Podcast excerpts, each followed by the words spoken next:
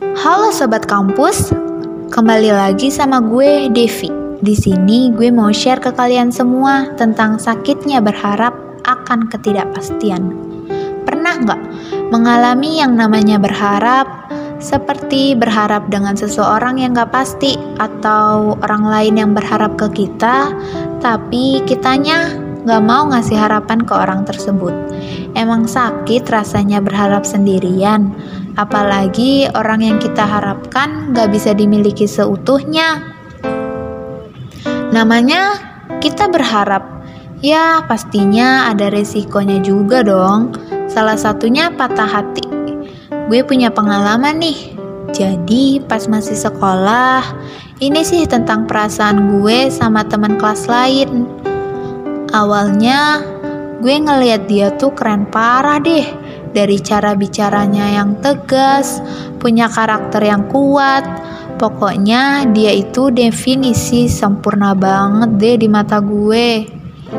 Semenjak gue punya perasaan sama dia, Lama-lama gue juga jadi sering banget hampir setiap jam istirahat selalu memperhatikan dia jalan sama temen cowok-cowoknya.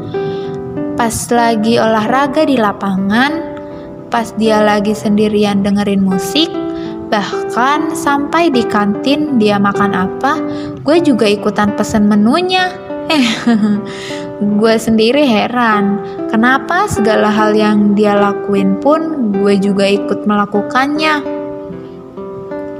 Namun, semenjak kenaikan kelas 3 SMA, gue perhatikan dia sering ke kelas gue setiap pulang sekolah. Meskipun gue gak ngerti apa yang dia tunggu.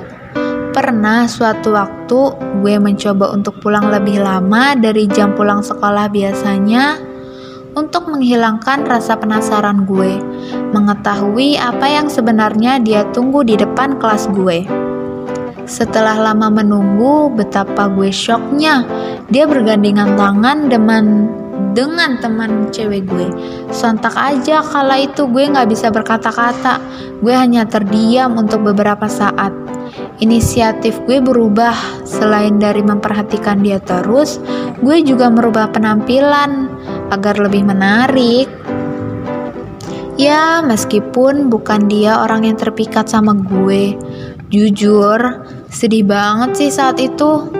Gue sadar kalau dia ternyata melihat gue hanya sebatas teman biasa, gak lebih dari apa pun.